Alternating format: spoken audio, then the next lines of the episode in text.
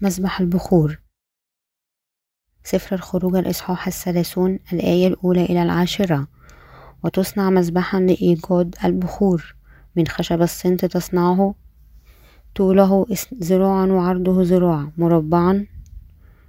يكون وارتفاع ذراعين منه. تكون قرونه ثلاثة وتغشية بذهب نقي. سطحه وحيطانه حواليه. وقرونه وتصنع له إكليلا من ذهب حواليه. أربعة وتصنع له حلقتين من ذهب تحت كليله على جانبيه على الجانبين تصنعهما لتكون بيتين لعصوين لحمله بهما وتصنع العصوين من خشب الصنت وتغشيهما بذهب وتجعله قدام الحجاب الذي أمام تابوت الشهادة قدام الغطاء الذي على الشهادة حيث اجتمع بك فيوقد عليه هارون بخورا عطرا كل صباح حين يصلح السرج عليه ويوقده وحين يصعد هارون السرج في العشية يوقده بخورا دائما أمام الرب في أجيالكم. لا تصعدوا عليه بخورا غريبا ولا محرقة أو تقدمة ولا تسكب عليه سكيبا ويصنع هارون كفارة على قرونه مرة في السنة من دم ذبيحة الخطية التي للكفارة مرة في السنة يصنع كفارة عليه في أجيالكم. قدس الأقداس هو للرب. مسبح البخور كان مكان الصلاة. مسبح البخور كان مصنوعا من خشب الصنت وكان مربع وكان طوله وعرضه ذراع خمسة وأربعون سنتيمتر واثنين ذراع في ارتفاعه موضوع داخل القدس. مسبح البخور قد غطى بالذهب في مجموعه بصب الذهب. حوله أربع حلقات من الذهب وضعت لأجل العصوان التي تحمله على مسبح البخور هذا. لا شيء يوضع سوى المسح المقدسة. والبخور الحلو الذي يستخدم سفر الخروج الإصحاح الثلاثون الآية الثانية والعشرون إلى الخامسة والعشرون. مسبح البخور كان حيث يقدم بخور الصلاة إلى الله لكن قبل أن نصلي في مسبح البخور نحن يجب أن نجد سواء نحن مؤهلون. أن نصلي إلى الله في هذا المسبح أم لا؟ كل من يطلب أن يتأهل أن يصلي لله القدوس يجب أولا أن يتبرر بواسطة تطهير آثامه بواسطة الإيمان ليعمل هذا.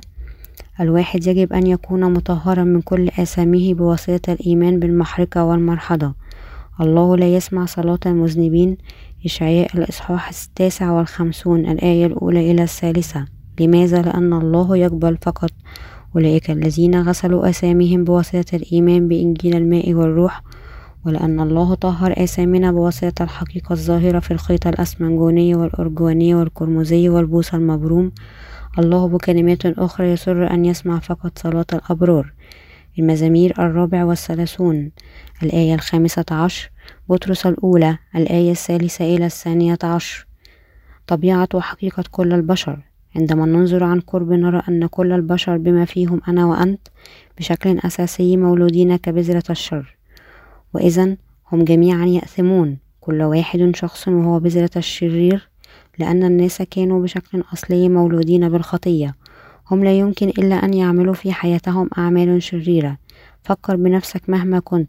نحن يمكن أن نعترف أمام الله أننا سبق أن كنا أشرار الذين كان مصيرهم جهنم قبل كل شيء. وعندما نحكم على أفعالنا أمام الله نجيء أن نتعرف على أنه بحسب ناموس الله. نحن نعلن لأن أجرة الخطية هي موت.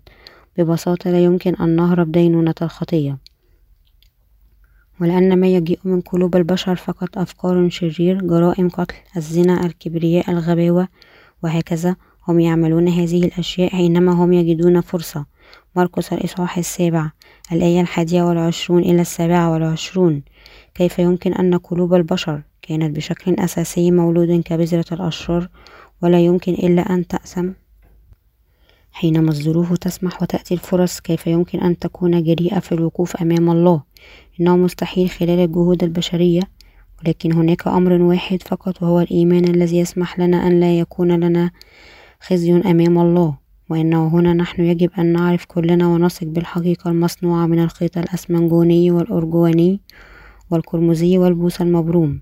الحقيقة التي تمكننا أن نغتسل من أثامنا ونقف أمام الله بلا خزي في حد ذاته نحتاج بالتأكيد لإنجيل الماء والروح. لا أحد منا يمكن أن ينكر حقيقة أنه كان مصيرنا جهنم بسبب آثامنا لكن فقط نعترف بهذا القدر.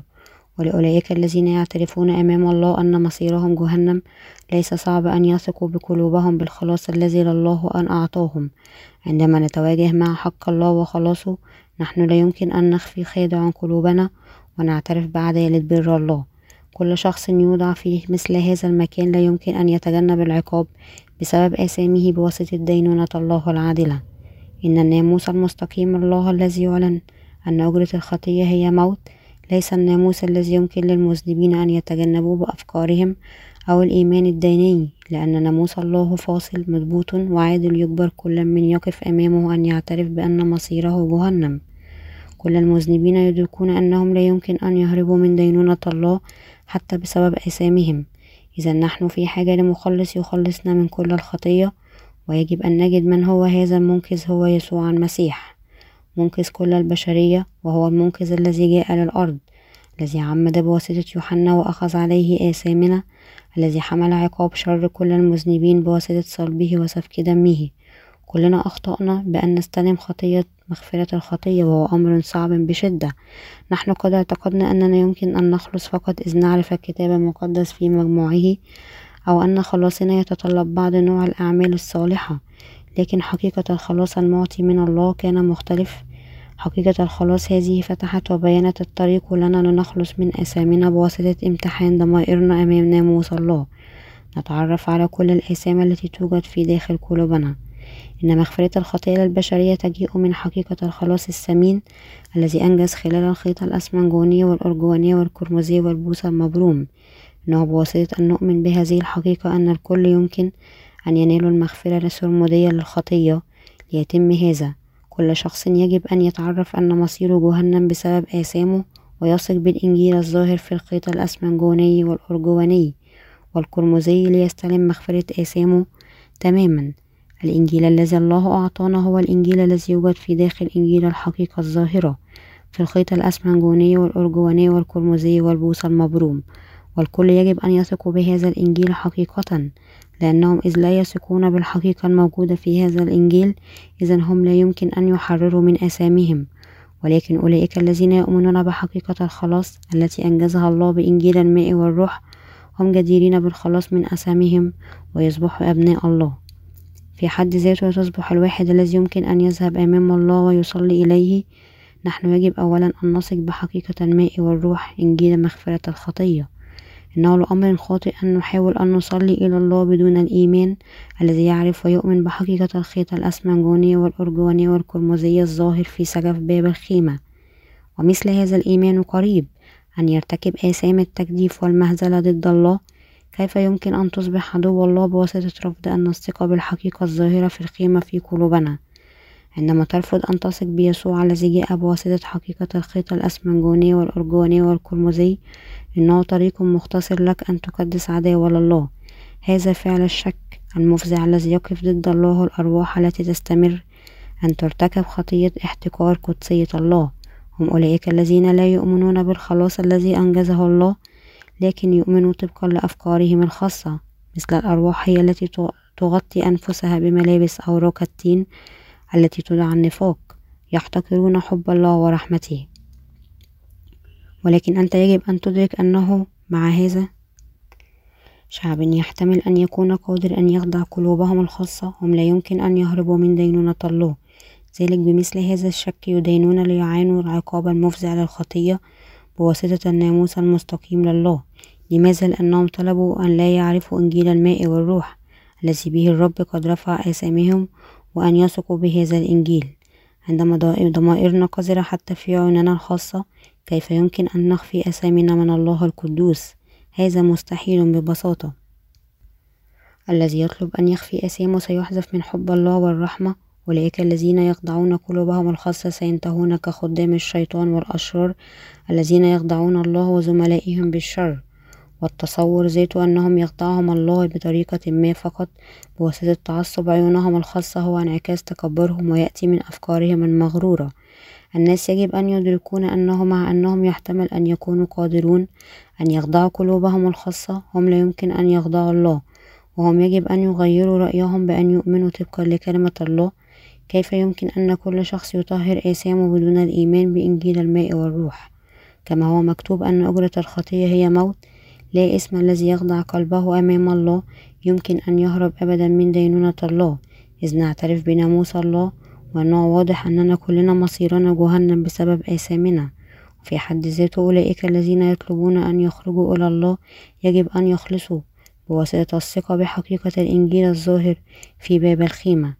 وعلى أي حال لأن العديد من الناس فشلوا في أن يدركوا الحقيقة بأنهم سيدانون لأثامهم هم فشلوا أيضا في أن يقبلوا في قلوبهم إنجيل الخلاص الذي جاء بواسطة حقيقة الخيط الأسمنجوني والأرجواني والقرمزي.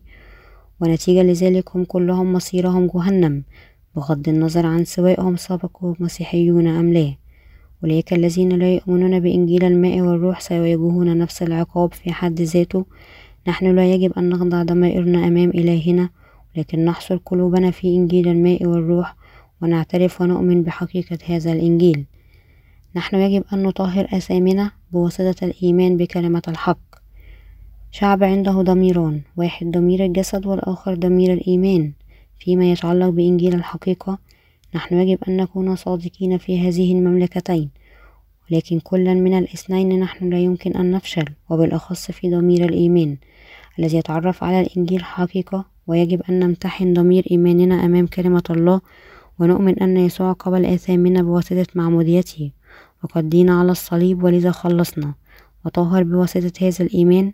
أسام ضمائرنا يغضبني أنه حتى عندما هذه الحقيقة التي لا يمكن أن تكون أكثر جزما هناك ما زال أناسا لا يؤمنون بإنجيل الحق. هناك ترتيب الإيمان لتطهير ضمائرنا نحن يجب أن نتعرف على عليها ونؤكد حقيقة أن مصيرنا كان إلى جهنم.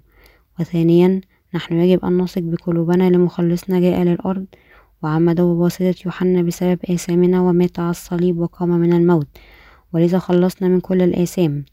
المذنبون يجب أن يخلصوا من ظلمهم وينالوا حياة أبدية بواسطة إيمانهم بإنجيل الماء والروح الظاهر في الخيط الأسمنجوني والأرجواني والقرمزي وعلى الرغم من حقيقة أننا يجب أن نخلص من أثامنا بعض الناس ما زالوا لا يؤمنون حتى عندما يعرفون حول مغفرة الخطية المنجزة خلال الخيط الأسمنجوني والأرجواني والقرمزي كيف يمكن أنهم يعملون هذا؟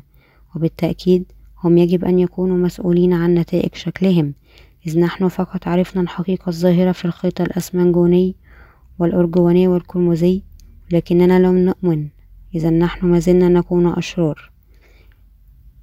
وإذ نحن ما زلنا أشرار إذا يجب علينا أن ندان بسبب آثامنا طبقا لناموس الله. الناس يجب أن يكون عندهم نوع الإيمان الذي يخلصهم من آثامهم ويجب أن يكون عندهم الإيمان الذي يؤمن فقط بإنجيل الماء والروح. هل تثق بالإنجيل الظاهر في الخيط الأسمنجوني والأرجواني والقرمزي أن الرب حمل كل خطايانا بواسطة معموديته وخلصنا بإراقة دمائه على الصليب؟ عندما تفكرون بأنفسكم أولا تعترفون بحقيقة أن مصيركم كان حقا لجهنم. أتدركون أنكم كان مصيركم جهنم؟ ومع هذا الرب خلصنا من أسامنا بالحقيقة الظاهرة في الخيط الأسمنجوني والأرجواني والقرمزي. أنتم يجب أن تدركون أن الرب كان ليعتني بكل أسامنا جاء إلى هذه الأرض وعمد وسفك دمه ليمحو آثامك وآثامي. ربنا جاء إلى هذه الأرض وتجسد في جسد إنسان. قبل حالا كل آثام الإنسانية الكاملة على جسده بواسطة معموديته من يوحنا في نهر الأردن في سن الثلاثون. حمل دينونة الخطية مرة للكل بواسطة صلبه وسفك دمه سوية وأعاد كل آثام أولئك الذين يؤمنون. نحن يمكن أن يخلص من كل آثامنا بواسطة أن نؤمن بالحقيقة الظاهرة في الخيط الأسمنجوني والأرجواني والقرمزي نحن يجب أن نمتحن وسوس ونؤكد سواء ما نحن قد كنا حقا نخلص من أثامنا بواسطة هذه الحقيقة نحن يجب أن يكون عندنا الإيمان الذي يؤمن بيسوع المسيح الذي جاء بالخيط الإسمنجوني والأرجواني والقرمزي كالمخلص كما الكتاب المقدس يقول لأن القلب يؤمن به للبر والفم يعترف للخلاص. رمي الإصحاح العاشر الآية العاشرة. رمي الإصحاح العاشر إلى السابعة عشر تعلن أيضا. إذا الإيمان بالخبر والخبر بكلمة الله.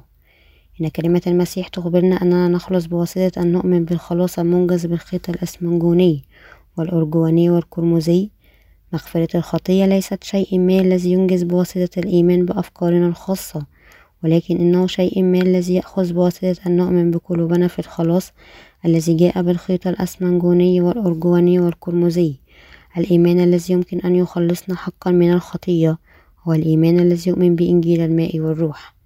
هل يجب أننا إذا نصلي لله بواسطة إيماننا بهذه الحقيقة؟ بالطبع نحن يجب أن نعطي دائما الصلوات والتضرعات بالروح. بعدما ربطنا خسورنا حضورنا بالحقيقة. أفسس الإصحاح السادس الآية الرابعة عشر والثامنة عشر. ولكن ماذا إذا هذه هي الحقيقة؟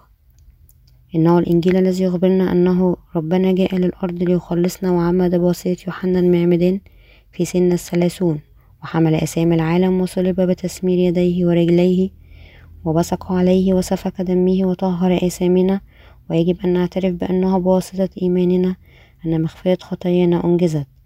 يا رب أحببتني كثيرا حتى أنك جعلتني ابن الله. هكذا نحن يجب أن نعترف بإيماننا بينما كل ما نفعله هو فقط الخطية. ربنا ما زال يعطينا المؤهل أن ندخل ملكوت السماوات بواسطة رفعه آثامنا. أي سبب هناك لك أن لا تؤمن بهذه الحقيقة؟ أما بالنسبة لي لم يكن لدي شيء لا أقول حتى أن الرب ما كان هكذا. تعمد ليخلصني من آثامي ولحد الآن لأجلي. هو كان في الحقيقة تعمد وسفك دمه وخلصني من آثامي وهكذا أؤمن. ليس هناك سبب الذي يجعلني كلنا لا يجب أن نثق بهذا الإنجيل.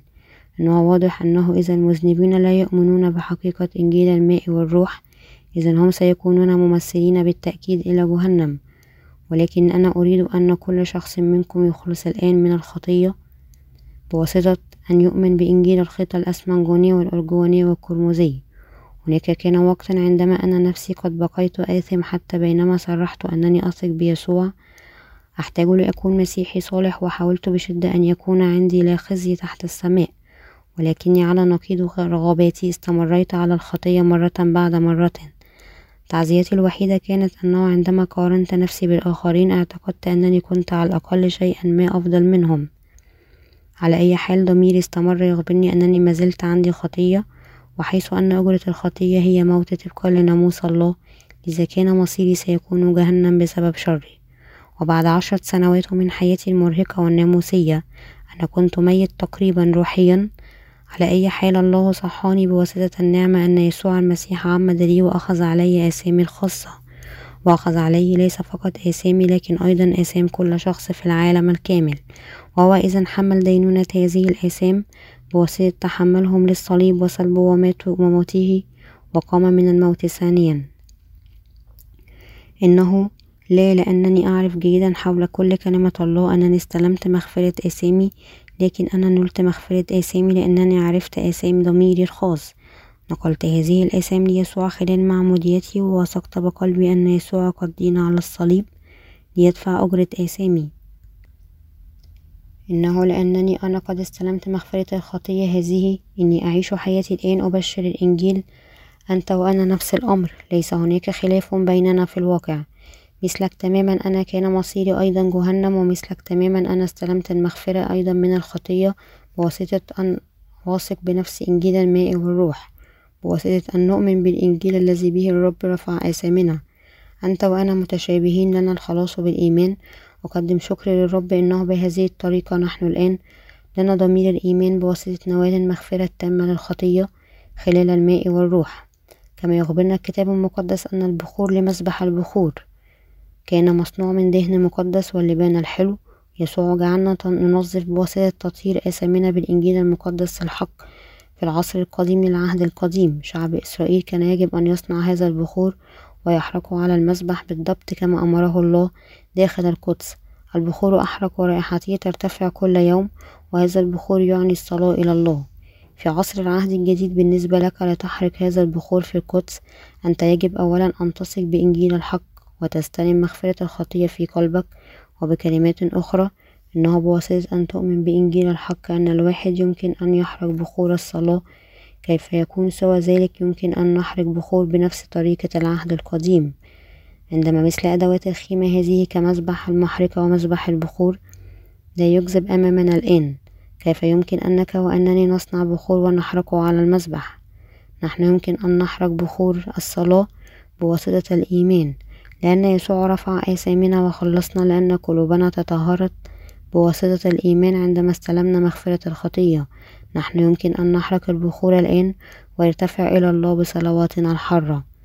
نعتقد من كل قلوبنا أن الإيمان بإنجيل الماء والروح أن كل أثامنا نقلت ليسوع المسيح وأن يسوع المسيح بشكل مفوض حمل دينونة آثامنا عنا. قلبك وقلبي هذا يتطهر حيث أن كل الآثام في قلوبنا نقلت ليسوع قلوبنا أصبحت بواسطة الإيمان نظيفة بالكامل سوية إذا كل أسامك نقلت ليسوع خلال المعمودية التي استلمها من يوحنا إذا كل أسامك تطهرت ورفعت مرة للكل ليس هناك بعد خطية. لأن أسامينا رفعت وتطهرت بواسطة الإيمان. بالإنجيل نحن يمكن أن نذهب إلى الله القدوس الآن ونسأل عن مساعدته. إننا نحن قادرون أن نصلي إلى الله ونقدم إيماننا. نحن قد استلمنا مغفرة الخطية بواسطة أن أمنا بالإنجيل بشكل جازم. أيها الإخوة والأخوات اذهبوا إلى مسبح البخور وصلوا بشكل مستمر. أيها الآب برجاء ساعدني. هذه هي حالتي وهذا ما أحتاج أريد أن أنشر الإنجيل الحقيقي وأحيا بشكل مستقيم. أيها الآب أريد أن أعيش حياة البر لأنه لا أحد قد نال مغفرة الخطية بمفرده. وأنا أريد أن أحمل ثمار البر وأعطيني الإيمان بك. أريد أن أعيش حياتي طبقا لإرادتك بمثل هذا. سؤال عن احتياجات الواحد هو ما تدور حول الصلاة. إنه حول سؤال عن مساعدة الله طبقا لبره. أنت من المحتمل عندك رغبات متعددة لأن نحن جعلنا أبرارا بواسطة إيماننا بإنجيل الماء والروح. الذي بررنا هو الآن قد جعل ممكنا لنا أن نسأل الله عن كل الأشياء بصلاتنا. أولئك الذين هم قادرون أن يصلوا لله لمساعدتهم هم السعداء. أولئك الذين بواسطة إيمانهم بالله وبإنجيل الماء والروح قد نالوا مغفرة الخطية في قلوبهم وعلى الأقل أصبحوا مؤهلين أن يذهبوا إلى الله القدوس ويطلبون مساعدته.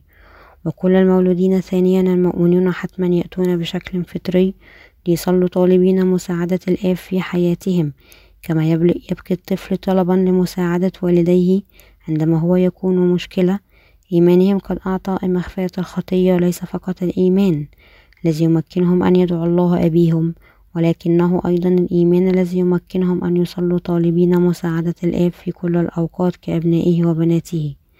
أنا لا أعرف بالطبع ما هي صلواتك الشخصية أو كيف تقبل بواسطة الله بعدما استلمت مغفرتهم خطاياهم ولكن أنا ما أعرفه هو أن الله يمكننا أن نتحد بكنيسته وننشر الإنجيل.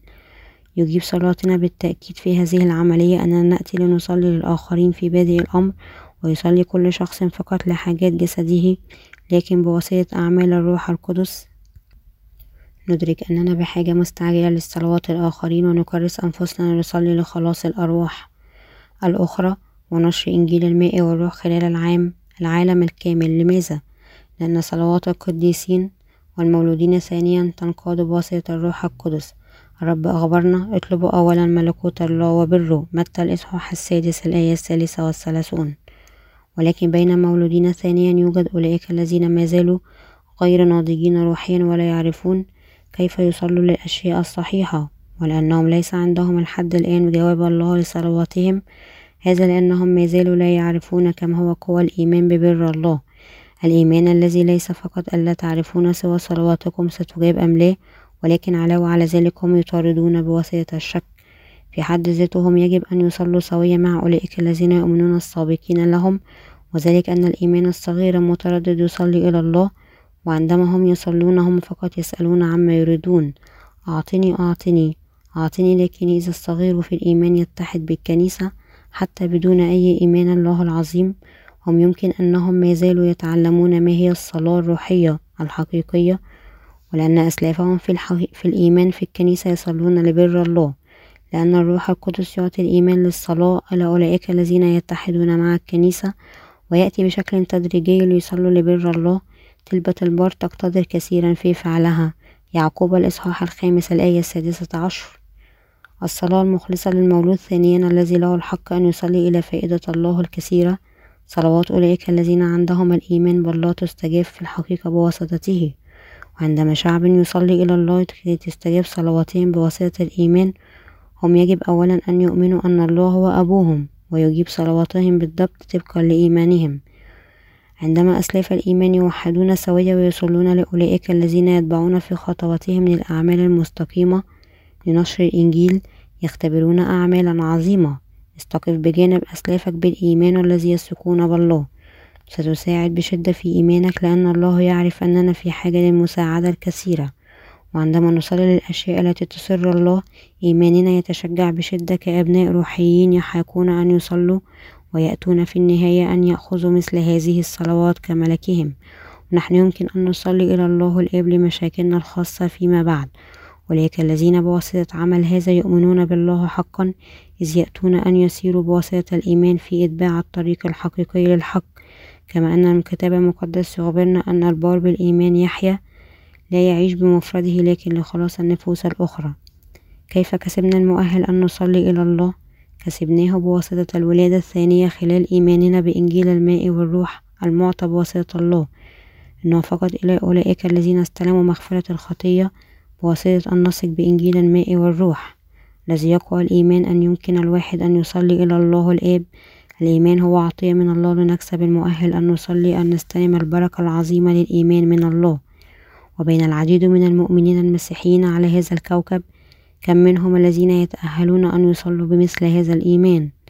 ليس العديد منهم واحدة من أكبر العطايا الموهوبة من الله. أولا أننا نحن يكون لنا الإيمان الذي يخلصنا من أثامنا وبالحقيقة الظاهرة في الخيط الأسمنجوني والأرجواني والقرمزي وثانيا هو أن نصلي إلى الله كأبنائه الخاص. وثالثا أن يكون لنا الإيمان الذي يسمح لنا أن نعيش كعمال الله. الله لا يجيب صلوات المذنبين. بعض المذنبين حتى بينما يصرحون بأن يثقوا بيسوع يصلون إلى الله ليمحو آثامهم بواسطة التوبة في الجبال والصراخ باسم الرب بشكل مستمر. حتى في الليالي الباردة والشديدة والرياح هم ما زالوا هم ما زالوا يتسلقون الجبل ويغطون أجسامهم بالشراصف البلاستيكية ومع أنهم خائفون غالبا هم ما زالوا يصلون بحماس بعد ولائهم لكن صلواتهم فقط تدق في الفضاء الفارغ. ومع أنهم يصلون طوال الليل هم ليس عندهم الإيمان مهما كان أن الله يجيب صلواتهم حقا.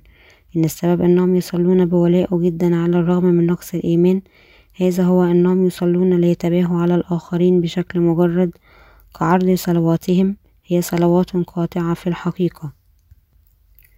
إنما يحتاجون أن يدركوه هو أن الصلاة لا تقبل فقط عندما هم لا يستلمون أو لا يستلمون مغفرة الخطية لكن لأن العديد من المذنبين ليس عندهم بديل حتى يأتون أن يعرفوا إنجيل الماء والروح هم لا يمكن إلا أن يستمرون أن يعيشوا حياتهم بالإيمان كمذنبين.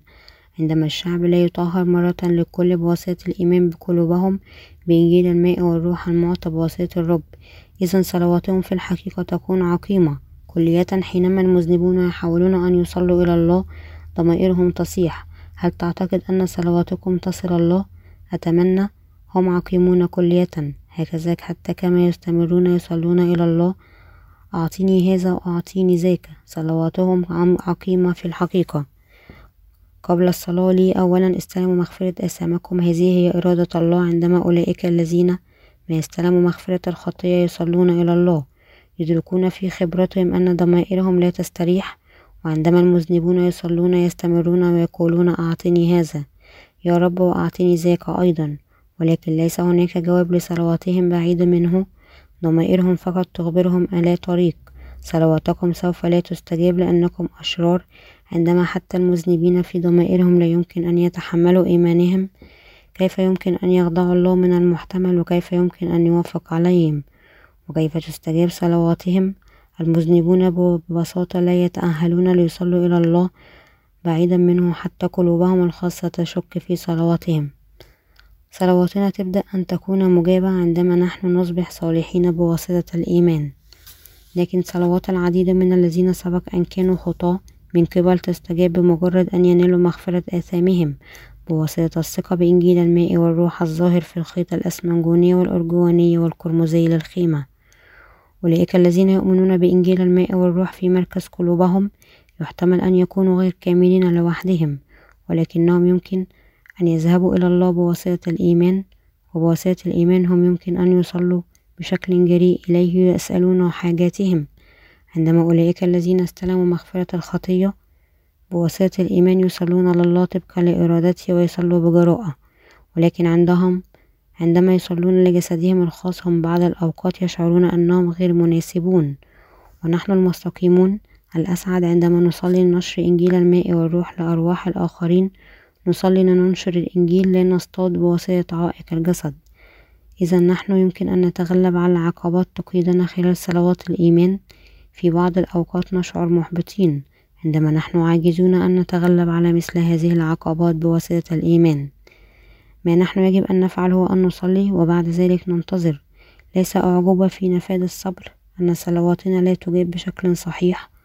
الله يريدنا أن نصلي بواسطة الإيمان ونعتقد أن صلواتنا بحسب إرادة الله إذا هو سيجيبهم. عندما الوقت يجيء وعندما نستلم مغفرة الخطية بواسطة الإيمان وعندما نصلي بواسطة الإيمان في حياتنا نحن نرى في الخبرة الأولية أن العديد من صلواتنا تجاب حقا. لكن هل عشت بواسطة الإيمان مثل هذا؟ إذا أنت يمكن أن تصلي حقا إلى الله. عندما نمتحن أنفسنا أكثر من مرة نحن ندرك أن مصيرنا جهنم وندرك مرة أخرى أيضا أننا يمكن أن نتأهل ونصلي بواسطة أن ننال مغفرة الخطية خلال إيماننا بإنجيل الماء والروح في حد ذاته. ويجب أن نتذكر بالتأكيد أن هذا يمكن أن يصلي أولئك الذين نالوا مغفرة الخطية بواسطة الإيمان أن الرب رفع آثامهم لكل العمر بإنجيل الماء والروح. أولئك الذين لم يولدوا ثانيا لحد الآن هناك العديد من الناس الذين هم فخورين بأنفسهم. ماذا عنك؟ هل أنت عندك أي شيء تفتخر به؟ هل أسلحتك قوية؟ هل سيقانك قوية؟ بغض النظر كم قوية أجسامنا هم لا يمكن أن يقاوموا حتى فيروسات الزكام العادي ولا يمكن أن يقاوموا طويلا أي قوة فيزيائية قوية بشكل هامشي. يجذبون ضعفهم الحقيقي ويدركون فقط كم البشر ضعفاء. نحن يمكن أن نموت من عضة برغوث أو نموت من ضربة بواسطة سقوط حجارة بينما نمشي. نحن لا شيء. إذ أحد ينطق عبارة وحيدة تجرح كبريائنا قلوبنا يمكن أن تتأذي كثيرا حتى أننا نصبح شبه موتى. أليس هذه هي الحالة؟ بالطبع نعم. كم عدد الناس الذين يموتون قبل حتى عمر الستون هناك شعب غير معدود. الذي يموت قبل الوصول لسن الثلاثون؟ مثل هذه الكائنات الضعيفة لا شيء إلا بشر. القوة الأبدية للبشر لا يمكن أن توجد في أي مكان. إن مثل هذه الكائنات الضعيفة تتقصى فقط في قلوبها ولا تثق بكلمة الله في مركز قلوبهم. هناك لا شيء لنفتخر به ولا توجد قوة في البشر. وفي حد ذاته نحن يجب أن ندرك ضعفنا الخاص ونتعرف على نقائصنا وآثامنا ونؤمن بإنجيل الحقيقة المنجز خلال الخيط الأسمنجوني والأرجواني والقرمزي في قلوبنا. ونكسب المؤهل أن نصلي إلى الله ويجب أن يكون لنا الإيمان بالله أن يكون لهم هذا الإيمان الذي يسر الله في مركز القلب. الناس يجب أن يثقوا بإنجيل الماء والروح ولكن هناك العديد ما زالوا لا يؤمنون به. هل كان يمكن أن تكسب الحق أن تصلي إلى الله من إنجيل آخر بدلا من إنجيل الماء والروح؟ هل آثامك كانت يمكن أن ترفع دون أن يأتي يسوع للأرض ويأخذ آثامك بواسطة معموديته لأجلك؟ هل كان يمكن أن تعبر آثام قلبك ليسوع ويطهرها بدون الإيمان بالمعمودية التي يسوع استلمها؟ الأجوبة ليست لا وبالتأكيد لا. إنه ليسوع حمل على كتفه آثام العالم بالمعمودية التي استلمها من يوحنا. وصلب وحمل دينونة الآثام بدمه الخاص. هل أنت إذن كان يمكن أن تخلص بدون معمودية يسوع والصليب؟ بالطبع لا. كون يسوع عمد ليأخذ عليه آثامنا مرة للكل ويطهرها ويرفع آثامنا. وأنه صلب ليحمل عقاب آثامنا أنه بواسطة أن نؤمن بهذه الحقيقة لإنجيل الماء والروح. نلنا غفران آثامنا. وهكذا نحن يمكن أن نذهب إلى الله بأي وقت ونعترف بشكل جريء. يا رب أنا غير كامل لكن أن أنك خلصتني بمائك ودمك. أنا بريء الآن أنك جئت للأرض وحالا أخذت عليك كل الآثام بواسطة معموديتك وحملت هذه الآثام للعالم وعوقبت لهم وقمت من الموت ثانيا. أنت قد أصبحت إلهي حقا ومخلصي. إنه بإيماني في هذه الحقيقة أن أثق بك عندما نحتفظ بإيماننا بكلمات أخرى يمكن أن نذهب إلى الله ونصلي إليه على الرغم من نقائصنا.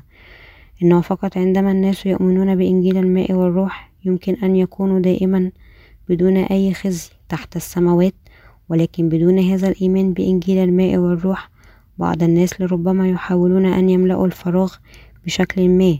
ما عدا ذلك أنت يجب أن تدرك أن مثل هذا الجهود عقيمة. لهذا قلوبهم تحزن وتعذب وتتحول إلى حياتهم. لا تطاق سوى بالحقيقة أو بالأكاذيب. كل شخص يريد أن يثق بشيء ما انظروا أنفسكم. امتحنوا أنفسكم لتروا سوى تثقوا حقا بالرب بالإيمان الذي يؤمن بإنجيل الماء والروح. أم سوى أنتم لا تثقون بإنجيل الماء والروح هذا؟ الرب رفع أساميكم بالماء والدم وأنتم بهذا. هل هناك ما زالت توجد خطية في قلوبكم؟ إذا أنتم حقا في عمق قلوبكم ونفوسكم في إنجيل الماء والروح. إذا هناك بالتأكيد لا خطية. بتاتا في قلوبكم بالإيمان تنالون المغفرة الحقيقية لآثامكم. ولأن الله أعطانا مغفرة خطايانا خلال الحقيقة الظاهرة في الخيط الأسمنجوني والأرجواني والقرمزي والبوس المبروم. نحن قد استلمنا هذه المغفرة الأبدية الآن من الخطية. ونظرا لهذا أولئك الذين يؤمنون بهذه الحقيقة أصبحوا أبناء الله. مكسيين في النعمة التي تمكنهم أن يأتون إليه. إذا نحن يجب أن نحب الواحد الآخر ونفهم نقائص كل منا ونخدم أعمال الله حتى النهاية. وبعد ذلك نذهب إليه ونقف أمام حضوره. أولئك الذين نالوا مغفرة الخطية مثل كل المذنبين. أتمنى أن قلوب الأبرار تعرف الحقيقة الظاهرة في الخيط الأسمنجوني والأرجواني والقرمزي ويولدوا ثانيا. ولكن هناك بعض الناس الذين لا يمكن أن يكونوا مثل هذا في الحقيقة. هؤلاء المسيحيون الأثيمون العنيدون الذين يخضعون ضمائرهم الخاصة بالإيمان ويدللون أنفسهم في الإيمان يثقون بالله بينما ما زالوا يبقون الأشرار. بواسطة الإيمان بإنجيل الماء والروح ونوال مغفرة الخطية في قلوبنا يجب أن نحمي ضمائرنا بالإيمان دعنا نجري مندفعين حتى النهاية ونحفظ ضمائرنا بالإيمان ونفقد ولا نفقد إيماننا. وعندما يبدو أحد يمر بموقف صعب إذا نساعد كل منا الآخر مهما يحدث. البار لا يجب أن يترك الكنيسة إذا ترك الأبرار كنيسة الله إذا يموتون فورا. ترك الكنيسة الله مثل فقد بيتك الخاص وبيتك يفقد مأواك ولا قلوبكم ستجد لا راحة في أي مكان وأنتم تموتون في النهاية. كنيسة الله هي المكان حيث يتغذى غنمه ويستريحون في حد ذاته. وعندما الغنم تفقد قوتها وتصبح مرهقة جدا كنيسة الله تساعد قلوبهم لتقتدوا بواسطة سماع الكلمة. عندما تقبلون الكلمة بواسطة الإيمان بقلوبكم ثم الروح القدس فيكم يبتهج قلوبكم ستقوى أيضا وكنتيجة نهائية أنتم ستنالون حياة أبدية. كلنا نحن الأبرار نقدم شكرنا لله ونشكر الرب. لأنه لكي يؤهلنا لنصلي هو قد أعطانا إنجيل الماء والروح. هللويا. أصلي إلى الله الحي الذي يمكننا أن نثق به ونحيا بالإيمان.